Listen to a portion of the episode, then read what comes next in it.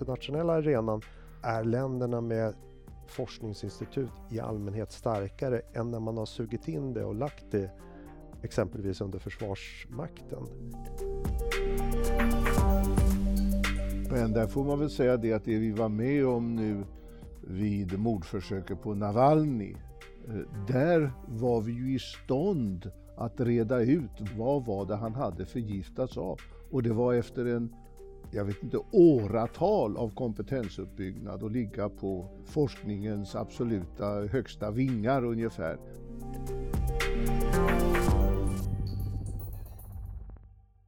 Välkomna till Rapporterat, en podcast om forskning för en säkrare värld från FOI, Totalförsvarets forskningsinstitut. Försvarsbeslutet är fattat och budgeten har höjts med 40 procent. Inriktningen till 2024 är klar och det är tillväxt som gäller. Men vad är forskningens framtida roll?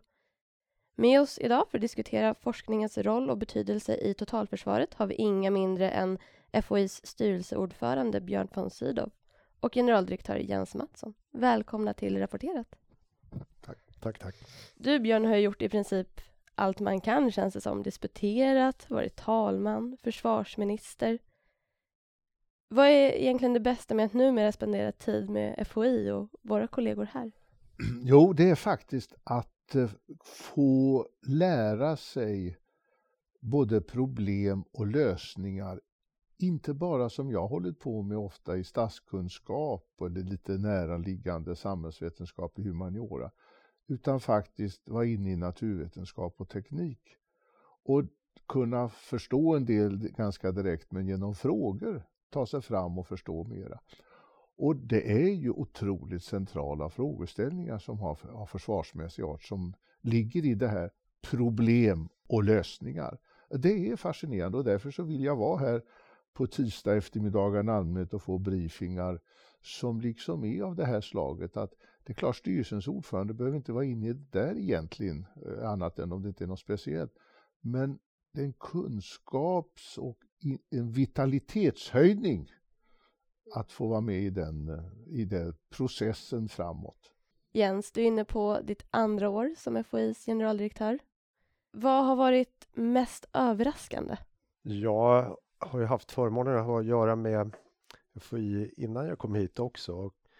Myndigheten har ett väldigt gott renommé och eh, ett högt förtroende, inte bara hos allmänheten men också hos, hos olika beslutsfattare. Så på det sättet har det ju känts tryggt att komma hit. Men det, det som har slagit mig det är ju kanske andra sidan då än vad Björn pratar om. Jag kommer ju från naturvetenskaplig teknisk bakgrund och har varit mer inriktad där. Och den här bredden och vad ska vi säga eh, djupet man kan få när man betraktar perspektivet också med andra ögon än, än det naturvetenskapliga tekniska. Och där i tycker jag min största förtjusning över FOI har legat i den här när vi verkligen kan angripa ett problem eller ett problemkomplex med många olika kompetenser. För här finns verkligen alla.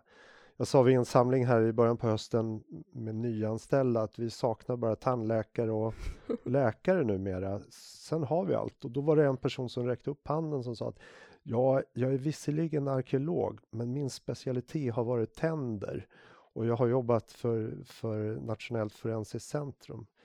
Så ja, nu har vi tandläkaren nästan på plats, men eh, just medicinska delarna, det har ju varit eh, ett strategiskt val för länge sedan att medicinska forskningen, den strikt medicinsk forskningen finns inte kvar på FOI, utan den finns på KI. Men i övrigt så finns allt. Och det här är en styrka som jag tycker både vi ska värna och vara väldigt stolta över för vi kan ta oss an problem som nästan ingen annan kan.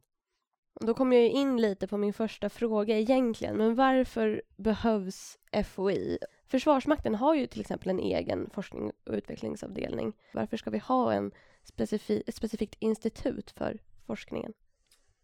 Ja, det finns ju historiska förklaringar som är rätt eh, naturliga. Hur kom det sig? Ja, man kom under andra världskriget i kontakt med teknikutveckling på båda sidor av kriget. Och man behövde något ställe att förstå dem och kunna tillämpa dem på svenskt håll och så vidare. Det var väl en grund för det dåvarande som växte fram. Men jag ser det idag för egen del på det sättet att det är egentligen fler som är så att säga, engagerade på forskningssidan. Vi har ju vår kvalificerade försvarsindustri. Vi har som du säger Försvarsmakten och vi har Försvarets materielverk. Jag uppfattar att FOIs del i det här det är på sätt och vis att stå för en professionell och i, i viss mening oberoende eh, kompetens och forskning och bedömning. Alltså, vad hade alternativet varit? Ja, det att vi skulle ha haft de här resurserna i Försvarsmakten. Att de skulle funnits i försvarsindustrin. I viss mån på, på Försvarets materielverk.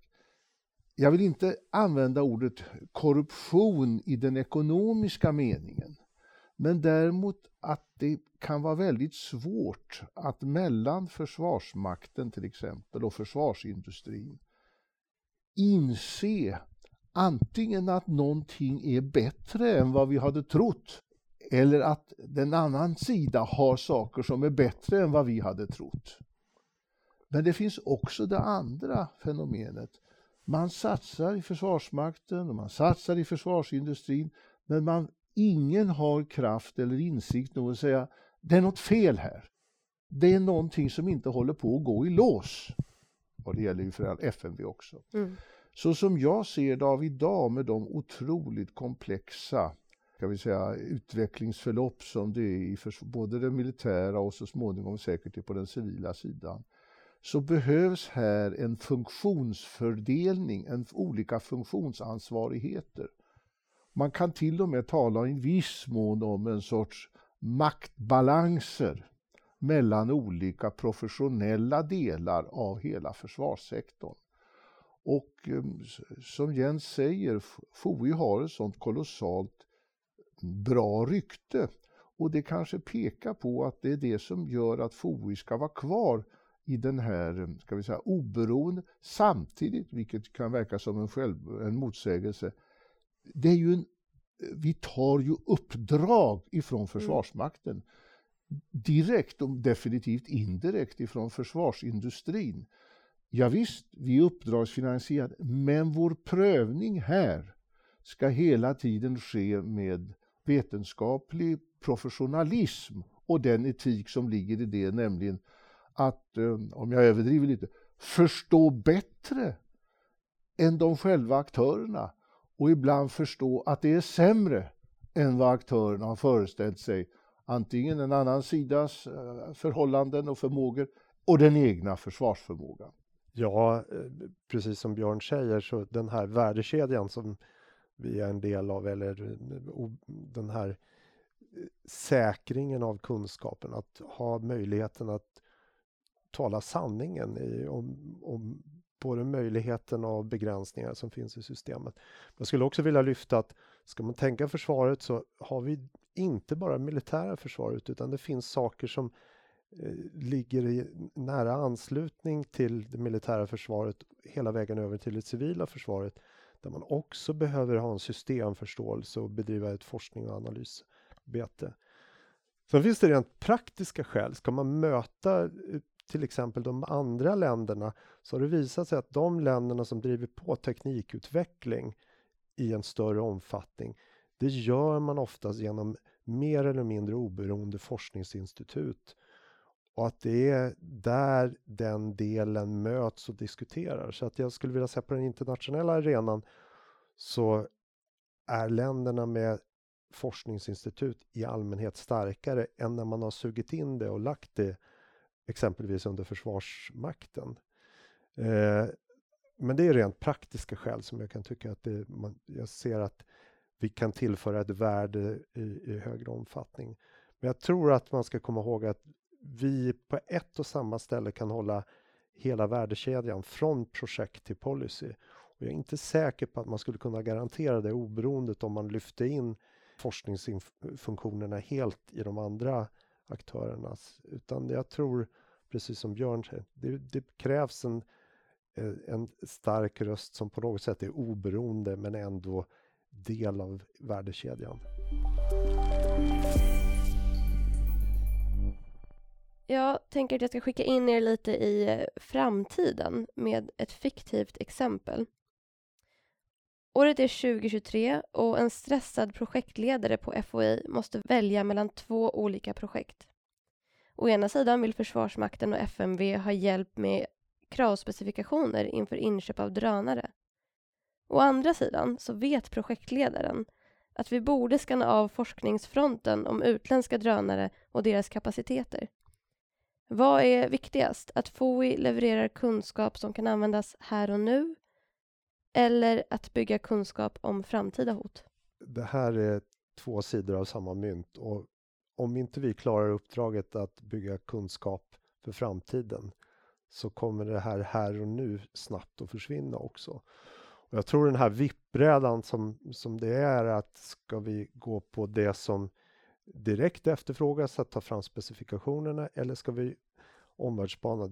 Det dilemmat kommer vi att leva med hela tiden i och med att vi kommer att ha en resursbegränsning både i form av pengar men också av, av kompetent personal. Och eh, jag tror att eh, vi kan under några år bara vara här och nu. Men då kommer vi snabbt förlora vår, vårt värde för våra uppdragsgivare. Och det har de också insett, även om frestelsen hela tiden är, är stor att ställa frågan, kan ni inte hjälpa oss här och nu? Så att svaret är ja, vi måste hela tiden göra en avvägning och angelägna förhållanden försöker vi möta. Men vi är också hela tiden där och påminner om att den långsiktiga kunskapsuppbyggnaden måste vi använda. För det vi tappar av idag, det kan vara det vi byggde upp för tio år sedan. Och jag vill inte vara den som står naken om tio år, utan vi måste finnas i, så att säga i två tillstånd samtidigt. Ja, jag har nog kommit till någon ganska likartad synpunkt det. Jag, jag skrev så här lite för mig själv. Lite ja och mycket nej. I en sån där valsituation. Och, och, och ehm, samtidigt så är det klart att de som är inne i en, på en avdelning som ligger just på en sån här punkt där, där uppdragsgivaren önskar men vi måste få in er här nu. Det är klart det är väldigt svårt för dem att säga nej. Eh, ja, så, absolut, det är oerhört så, svårt. Så därför så måste verksledningen och även styrelsen eh, vara beredda på det här. Säga ja, lite ja, ja. men mycket nej. ja. Av just som Jens säger, de där skälen att eh, vårt största värde ligger inte nu, utan det ligger kanske om fyra år eller sju år. Mm. Man kan göra det här ännu mer komplicerat. Det mm. kanske är en civil aktör som vill ha hjälp med någonting angeläget här och nu. Som vi kanske skulle kunna svara på men av, av mm, säkerhets och sekretesskäl faktiskt inte kan avslöja. Och då hamnar man i nästa dilemma. Hur man ska värdera olika behov inom, inom, eh, inom samhället. Ska vi, ska vi värna viss typ av kunskap för att vi kanske behöver den i framtiden? Eller ska vi blotta den här och nu för att vi kan lösa ett problem eh, som kanske är akut för en annan myndighet eller en annan del av samhället. Och det, det kan vara en nog så knivig avvägning. Men där får man väl säga det att det vi var med om nu vid mordförsöket på Navalny, eh, där var vi ju i stånd att biträda den tyska eh, polisen att reda ut vad var det han hade förgiftats av. Och det var efter en, jag vet inte, åratal av kompetensuppbyggnad och ligga på forskningens absoluta högsta vingar ungefär, så var vi i stånd att med mycket kort varsel genomföra det, det stödet åt samhället. Ja, absolut. Det tycker jag är ett, ett väldigt bra exempel och det spelar ju också in i den säkerhetspolitiska diskussionen. Vad, vad vi länder ska kunna stötta varandra med. Och här blev det ju inom EU-familjen som arbetet gjordes. Det finns ju ett till mynt med två sidor och det är myntet med bredd och djup. Hur ser ni på det? Hur ska vi se på forskningsbredd kontra forskningsdjup i olika frågor? Ja, Alltså, eh, bredd är väl det där att liksom kanske inte vara mästarforskare själv på allt, men att få orientering om vad gör andra och vad går forskningsfronterna? Eh, och där behöver vi väl ha bredd. Och det når vi ju bland annat genom internationella samarbeten. Men sen är det väl, där får Jens ta över lite, kommer vi sen in på väldigt specifika forskningsprojekt där vi behöver ligga, själva tycker att vi håller på att ligga i frontlinjen, vi behöver göra det. Det är klart, då kommer det in sekretessfrågor. Och då blir det ett snävare urval, vem kan vara vår partner? Men, så jag ser det som ett brett internationellt kontaktytor för att eh, hela tiden känna av vad ligger andra i deras bedömningar framåt. Men sen måste vi kunna Ibland, våra resurser kan inte räcka. Vi behöver ha vissa bilaterala, eller vad det kan vara, fördjupade samarbeten och då verkligen, eh, då menar jag alltså att det är på det sättet att eh, skulle det ha publicerats i vissa delar så skulle det anses vara definitivt på frontlinjen och komma i Nature eller Science eller vad som helst. Men där vi av sekretesskäl inte kan ha den metoden. Jag håller med precis det du säger Björn, att där med, i och med att vi nu är då det försvars, eh, totalförsvarsforskningsinstitut vi är så behöver vi hålla en, någon slags nationell bredd eh, och, och, en del av det kan vi hålla själva. I vissa fall handlar det om samarbeten och omvärldsanalyser och, och plocka upp. Men sen är det den internationella spetsen. Dels är det för att ge våra uppdragsgivare det försteg de behöver, men det är också nyckeln till att öppna upp samarbeten. Och jag tror att eh, inom vissa områden och med vissa länder, det är tack vare internationell spets. Man, man får inte tillträde till vare sig information eller samarbete om man inte själv bär med sig den absoluta spetsen. Men det är precis som du säger Björn, det är, vi kan inte vara det överallt eh, utan det är vissa områden vi, eh, vi har kraft nog att hålla, eh, hålla en absolut spets. Sen ska vi ha en hög lägstanivå. Det tycker jag den internationella utvärdering vi hade förra året av vår CBRN-verksamhet visar att eh, på det hela taget är det av högsta internationella klass väldigt mycket av det vi gör. Och, och det skapar en trygghet både hos mig och och tror jag övriga ledningen att det, det, det, ser ut på det sättet.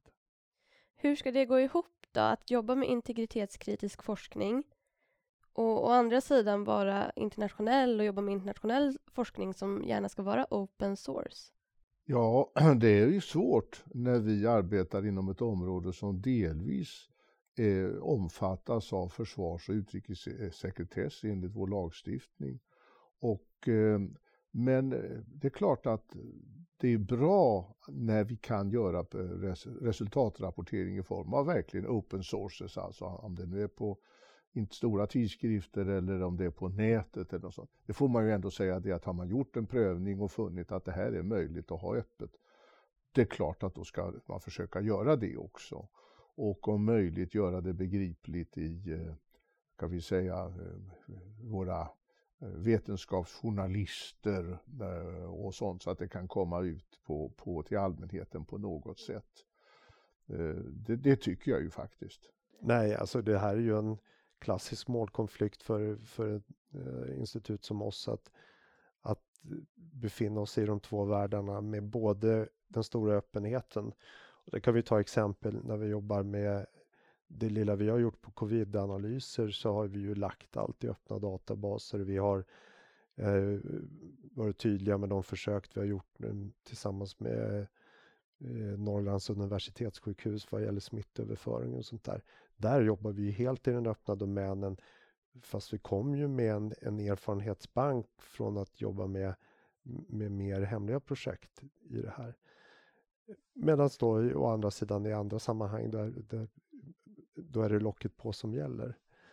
Men som sagt, att hela tiden ha en, en, en arbeta med transparens och, och vedertagna vetenskapliga metoder är absolut viktigt oberoende vilket sätt vi ändå eh, väljer att angripa och vilka typer av problem det är.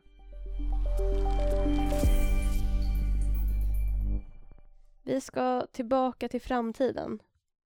Året är 2026 och ett polariserat Sverige går till val.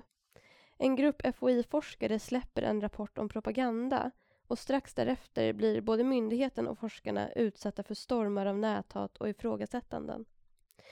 Hur ser ni på expertmyndighetens roll i ett mer polariserat och också faktaresistent samhälle? Ja, eh, ja, det där är ju en frågeställning som egentligen inte fanns när jag var yngre i min eh, statsvetenskapliga värld då. Utan det har ju kommit och det har väl förstärkts av sociala medier. Mm. Alltså att tidigare så var ju nästan alla tidningar, det fanns en ansvarig utgivare, det fanns etiska normer. Och eh, så är det ju inte fallet längre. Så att det här är ett nytt fenomen som är eh, ganska ruggigt, måste jag säga. Och eh, jag hoppas ju ändå att det ska vara så att eh, FOI är en e-, professionell expertorganisation och som uttalar sig på sånt som är, ska vi säga, forskbart, forskat. Sen har vi andra fora för polemik och sånt. Och det är ju det politiska livet i en vid mening. Och eh, där får man väl erkänna det att jag menar olika politiska uppfattningar har olika syn på vad är fakta. Och det finns ju de som menar att de politiska ideologierna i verkligheten består nästan mest av verklighetsomdömen men utifrån den enskilda människans värdestruktur på något sätt. Vad vill hon eller han se? Det är inte samma sak som den som sitter bredvid och har en annan livsåskådning. Man ser olika saker. Och jag tycker att man ska liksom säga att det, är, det ska föras offentligt och det ska föras på politikens och samhällsdebattens regler och tidningar och okej okay, med sociala medier och sånt.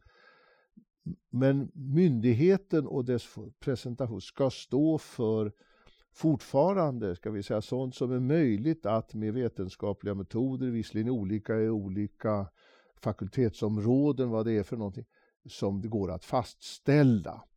Och eh, är det så att man kommer i för mycket kritik där, då får man reda ut det där och eventuellt ha viss självkritik här, kanske vi gick för långt i vårt påstående eh, eller vår gissning om vad som håller på att hända Eh, då får man säga det att eh, vi gick lite för långt här i förhållande till det, men vi står i grunden för att det vi säger och står för det ska vara intersubjektivt prövat av både samma disciplin eller parallella discipliner för att eh, ska vi säga, försäkra sig om eh, sanningsvärde i, i, i utsagan. Blir trovärdighetsfrågan viktigare idag än vad det var förr då? Ja, ja, ja, ja, vi är bara i början tyvärr av den sociala medievärlden och med den enorma förgrovning och inkapsling i egna noder som sker där och som är helt främmande för den offentlighetskultur och den politiska kultur som vi hade eh, fram till för en 20-25 år sedan, nämligen med tidningar och på den tiden Tidningarnas telegrambyrå eh, som liksom gav kortversionen av händelser. Och, men och så kunde man naturligtvis ha kommentarer till det. Men då var det just kommentarer. Mm. Och in, så att vi är, vi är i början i en väldigt försvårad situation för den hela den offentliga debatten och diskussionen. Jag kan bara hålla med Björn om att det, det är flera arenor men det som har hänt under senare år är ju kidnappningen ibland av vetenskapen och mm. eh, där man sätter den i en arena där den kanske inte riktigt är van att vara. Det var ju många reaktioner också tidigt i, i Trumps eh, presidentskap med March for Science till exempel och ett av åren så hade man då den eh, hashtaggen Hur vet du det? Att det var frågan man skulle ställa när man mötte konstiga påståenden och sådär. Kan vi inte säga att det har fått det där enorma genomslaget som det borde från det var ju vetenskapens svar på det vad man tyckte var ett ifrågasättande av, av fakta som var väl beskrivna och inte egentligen kunde ifrågasättas. Men det vi har sett under, under senare år, inte minst accelererat kanske av pandemin, är ju att saker som aldrig tidigare egentligen skulle behöva förklaras för att det, det, det råder ingen tvekan om att det så här är.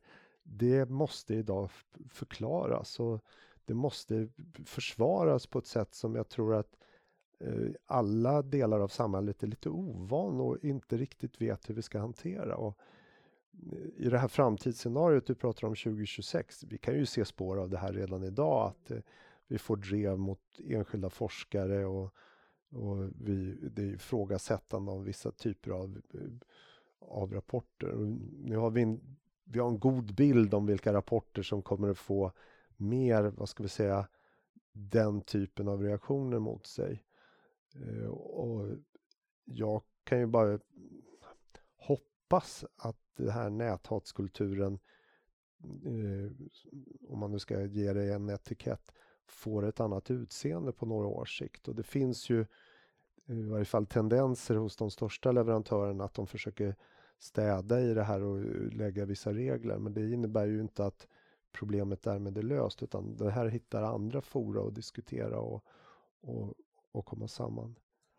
Eh, nu har vi ju inte den medicinska forskningen men det, frågan om vaccinering nu och vaccineringar överhuvudtaget är ju en sån här kritisk fråga. Vad är, ska vi säga, vet, den vetenskapliga ståndpunkten på vaccinering och effekter för de respektive bakterier och, och virus och så vidare. Vad är det?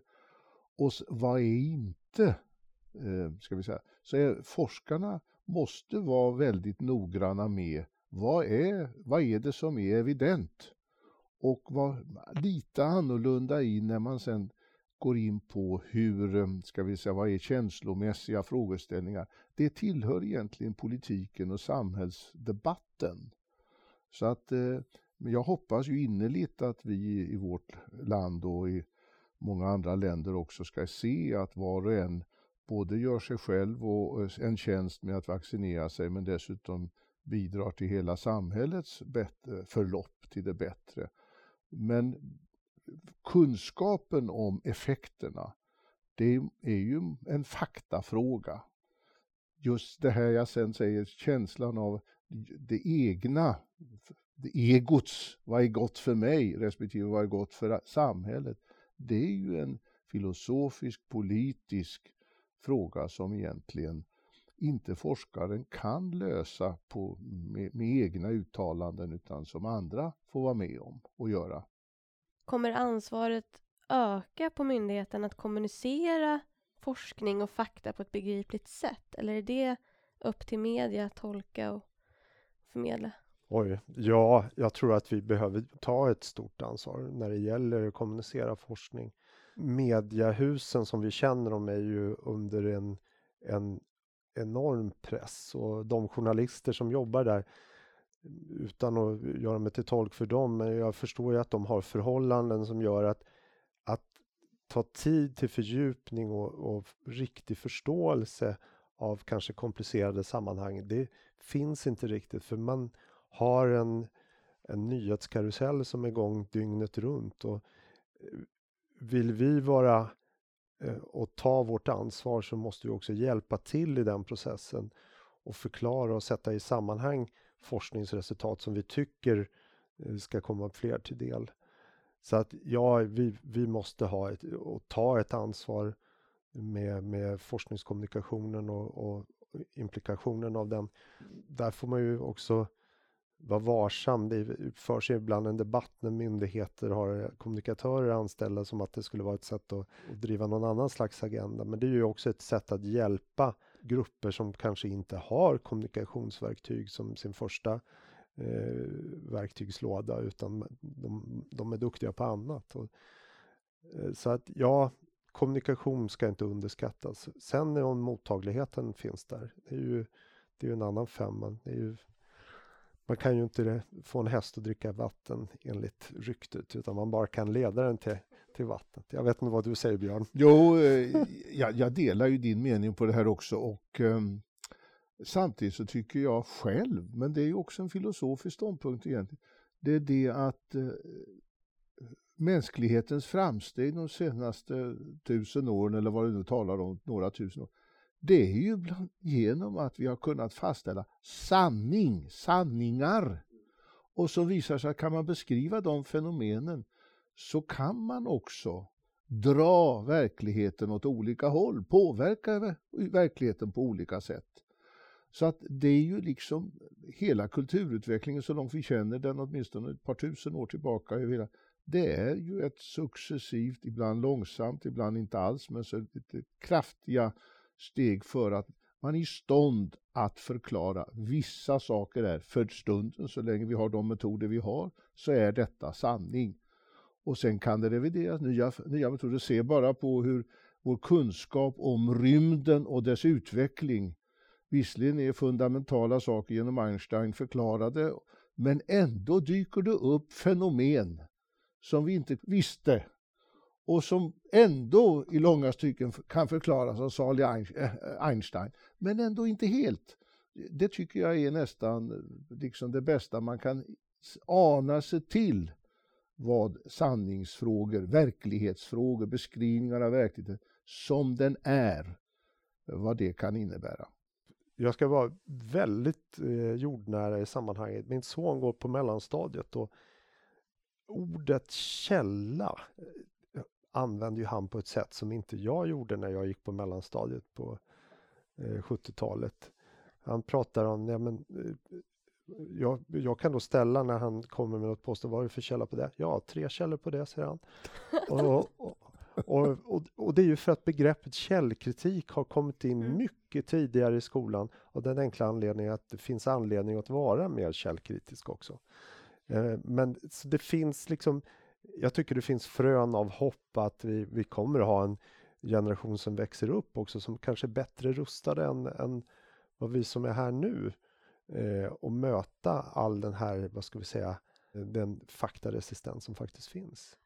Jag tror ett stort problem är att man kan hitta vilken källa man vill. Oavsett vilken åsikt man har så kan man ju hitta källor som... Ja, det är ju Groucho Marx på något ja, nytt sätt. Ja, jag har mina principer, det... gillar de inte så har jag nya. Ja. Nej men visst, men vi har en, en mäktig utmaning i sociala medier och i nätet som vi inte hade förr i, de, i, en demokrati som vår, eller som i Förenta Staterna som det var ja, från under 1900-talets långa delar. Nu är det ett helt annat, dessa just som ni säger, egna källor, egna bubblor. Och till och med sånt som då kallas för svarta nät, darknet, där vi inte har tillgång till, vi vet inte vilka föreställningar som finns där överhuvudtaget, utan ibland efter korrekt eh, legal tolkning kan polisen eller FRA eller vad det kan vara göra eh, se vad som förekommer för föreställningar, bland annat då om det finns ett brottsmisstankar och så vidare. Men det är, det är ett, vi har ett väldigt stort arbete här. Åren går och vi är nu framme vid år 2028. Det är bråda dagar för FOIs Rysslandsforskare ska släppa den tolfte utgåvan av rysk militär förmåga i ett tioårsperspektiv. Men vissa av våra Rysslandsforskare ska snart gå i pension. Den samlade Rysslandskompetens som finns på FOI kan man inte läsa sig till på universitet eller högskolor. Hur ska vi egentligen säkra den framtida kunskapsöverföringen och kunskapsförsörjningen? Ska vi börja med, med just själva eh, scenariot Ryssland och rysk, ryska språket? Ska vi börja med det? Absolut. Jo, det där är verkligen en eh, väldigt viktig fråga för att eh, jag menar, i det gamla systemet under kalla kriget då utbildade vi ju militärtolkar för en stor armé och vidhängande förband. Det var ju en jätteorganisation. Eh, och det fanns då periodvis ett intresse för Ryssland och ryska språket. Och en del människor var ju också intresserade av Sovjetsystemet. Som de. Men där har det ju skett en, någonting. Ryssland är ju ett kolossalt impopulärt land, både i Sverige och i andra länder. Och den ryska, eh, ska vi säga, nostalgiska militärideologin och sånt eh, är ju verkligen ingenting som lockar. Så att eh, samtidigt har vi ett behov av att få bygga upp ryskkunskap. Så jag har faktiskt, alltså som det var när eh, tolkar och sånt växte fram och egentligen väldigt mycket av hur det gamla försvaret från och med andra världskriget och framåt byggdes upp så var det ju det att det strömmade till mest män då på den tiden som kom från, som det hette då, små förhållanden. Det var små, kom från småbrukarhem, från pappa, mamma var handlare eller någonting sånt.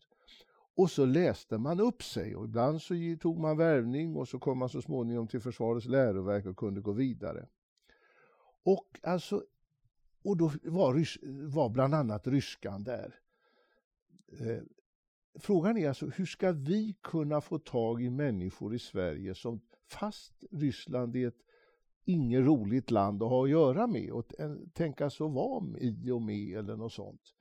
Hur ska man? Ja, man kanske ska leta efter vissa av våra invandrare som har ett behov av att visa att jag är anpassad, jag är, jag är en duglig kvinna eller man i Sverige. Och det var behov av att läsa ryska. Och då gör jag det.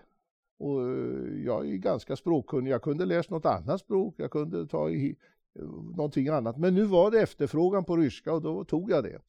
Alltså, så jag tror vi måste liksom se det som en lite, vad, hur kan vi locka till oss dem som inte är redan inställda på att eh, göra någonting mer traditionellt, gå på handels eller läkarutbildningen eller vad det kan vara.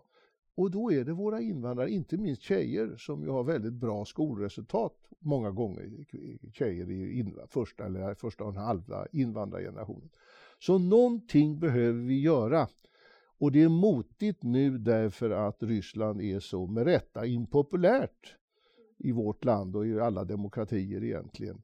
Så att, eh, och så får man väl liksom hitta särskilda lösningar anpassade. Kanske kan man hitta lite, göra lite mer med värnplikten, att eh, Eh, vi för FOI och Försvarsmakten säger vi behöver lite mer värnpliktiga. Och så med den fantastiska inskrivning som är numera så hittar man de där invandrartjejerna, föräldrarna invandrar då, och så visar det sig, ja men du, vi, du är duktig för det här, vi inskriver in dig, militärtolk. Och sen kanske du efter plikten går över hit. Du både, både en eh, språkförståelse men också en, eh, vad ska vi säga, en kulturanalys som behöver klaras av. För att eh, om jag nu får vara teknikoptimist i sammanhanget så är det ju så att Eh, de AI-funktioner som byggs upp vad gäller att tolka texter och översätta dem blir ju bättre och bättre. Mm. Eh, så det kan väl vara till viss stöd, men jag tror också, precis som Björn säger här, att vi måste ha de som förstår ryska, för då lär man sig också den ryska kulturen, alltså lär sig att förstå vad betyder det här? Hur ska vi tolka det? Det är ju inte bara att läsa textinnehållet utan det måste ju komma i ett sammanhang också. Det är ju det som är så fantastiskt tycker jag själv när jag möter många av Rysslandsforskarna forskarna hos oss för att man sätter det i ett perspektiv. Det är inte bara en, att läsa en, en kommuniké eller någonting och det märks också när vi, de uppträder i, i, i media att var häromdagen eller häromveckan så var det någon Eh, nytt eh, lagförslag som kommer och då tolkar media eh, för man inte har den djupa kunskapen. Jaha, betyder det här nu att Putin ska dra sig tillbaka? att den här nya lagstiftningen och då kan våra forskare sätta det i ett sammanhang. Nej, det betyder inte det. Det är en serie av lagförslag som har kommit till stånd och ytterst handlar det om att säkra Putins makt.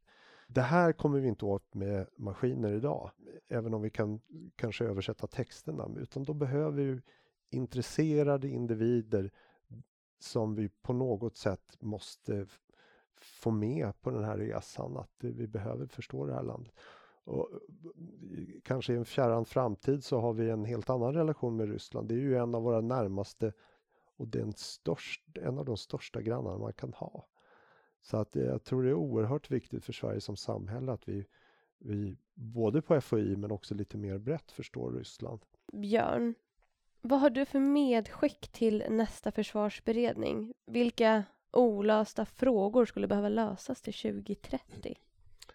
Ja, det är verkligen en relevant fråga och eh, jag skulle säga det, Det är ganska stora saker.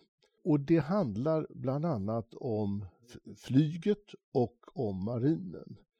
Vi har ju kommit att bygga kan vi säga, egna flygplan, JAS Gripen och den finns i olika versioner. Hur länge är det riktigt att ha ett så brett flyg, eh, så att säga, flygplanskunnande att vi bygger egna flygplan, visserligen med innehåll i form av import, men ändå där hela konceptet är. Och det andra gäller fartygen i marinen. Det gäller ju ubåtarna.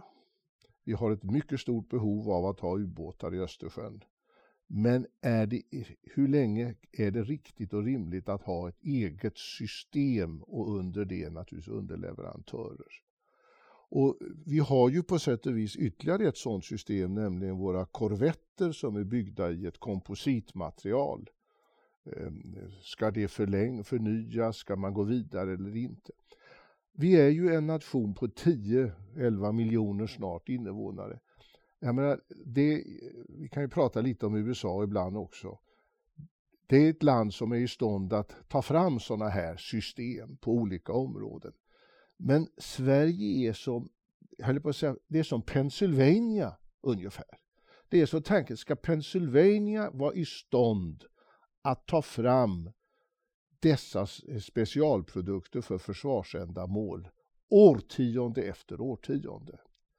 Är det, är det rimligt? Är det möjligt? Jag skulle vilja säga det att vi har haft olika utredningar, inklusive försvarsberedningen, där vi inte ansåg oss kunna ta upp den här jättefrågan. Och det har varit olika utredningar, man har utrett om materiell, försvarsmaterielfrågor och sånt där. Men för inriktningen så som den svenska försvarsindustrin så att säga, byggde sig fram från tiden från efter andra världskriget, och till och med en bit under andra världskriget, och så sent som in i vår tid med den här enorma an, an, ska säga, förmågan att göra hur länge och är det riktigt och så vidare. Det skulle jag säga det att gör man inte det så riskerar man hela tiden att få obalanser nästan inom ramen för vilken försvarsekonomi som helst. Men framförallt naturligtvis om den inte är så stor att det är svårt att upprätthålla andra fundamentalt viktiga saker inom försvaret, som armén i vid mening, men även stödet i det civila systemet och så vidare. Så att det skulle jag vilja säga det att en, en, en allsidig penetration där man inte bestämt sig på förhand utan man låter verkligen argument och analys spela roll. Det skulle jag vilja råda till att nästa försvarsberedning tar sig an. Tolkar jag dig rätt då att det skulle öppna vissa möjligheter om Sverige inte tog fram de här systemen själva? Vilka möjligheter skulle det vara? Ja, det är ju ökat internationellt samarbete. Jag menar länder i vår med 10 miljoner ungefär, man köper ju nästan hela system från USA och i viss mån från Frankrike, Tyskland och, och där har vi ju arbeten på gång. Vi har det, vissa samarbeten med Storbritannien, vissa samarbeten med Förenta Staterna ganska mycket när det gäller den här nya trainen som Saab tillsammans med Boeing är det väl håller på att ut, eh, utveckla. Så att det går att göra samarbeten. Det som är det enastående det är ju att Sverige med en så liten befolkning som Pennsylvania är i stånd att göra praktiskt taget som hela Förenta Staterna med hela sin 51 delstater är i stånd att göra. Är det riktigt att fortsätta på den, ska vi säga, vägen eller göra det i form av ännu mer av internationell arbetsfördelning? Det skulle jag vilja säga. Att vi behöver fartyg, att vi behöver flygplan, det utgår jag från. Även om man säkert kan resonera om, är de obemannade kanske i framtiden på ett annat sätt? Det är en, också en frågeställning, men den är nog väldigt viktig och väldigt central och det vet jag att man forskar i och bedömer. Men kärnan är ju egentligen, är, är vi i stånd att som storleks Pennsylvania göra det som i övrigt Förenta Staterna, hela Förenta Staterna åstadkommer?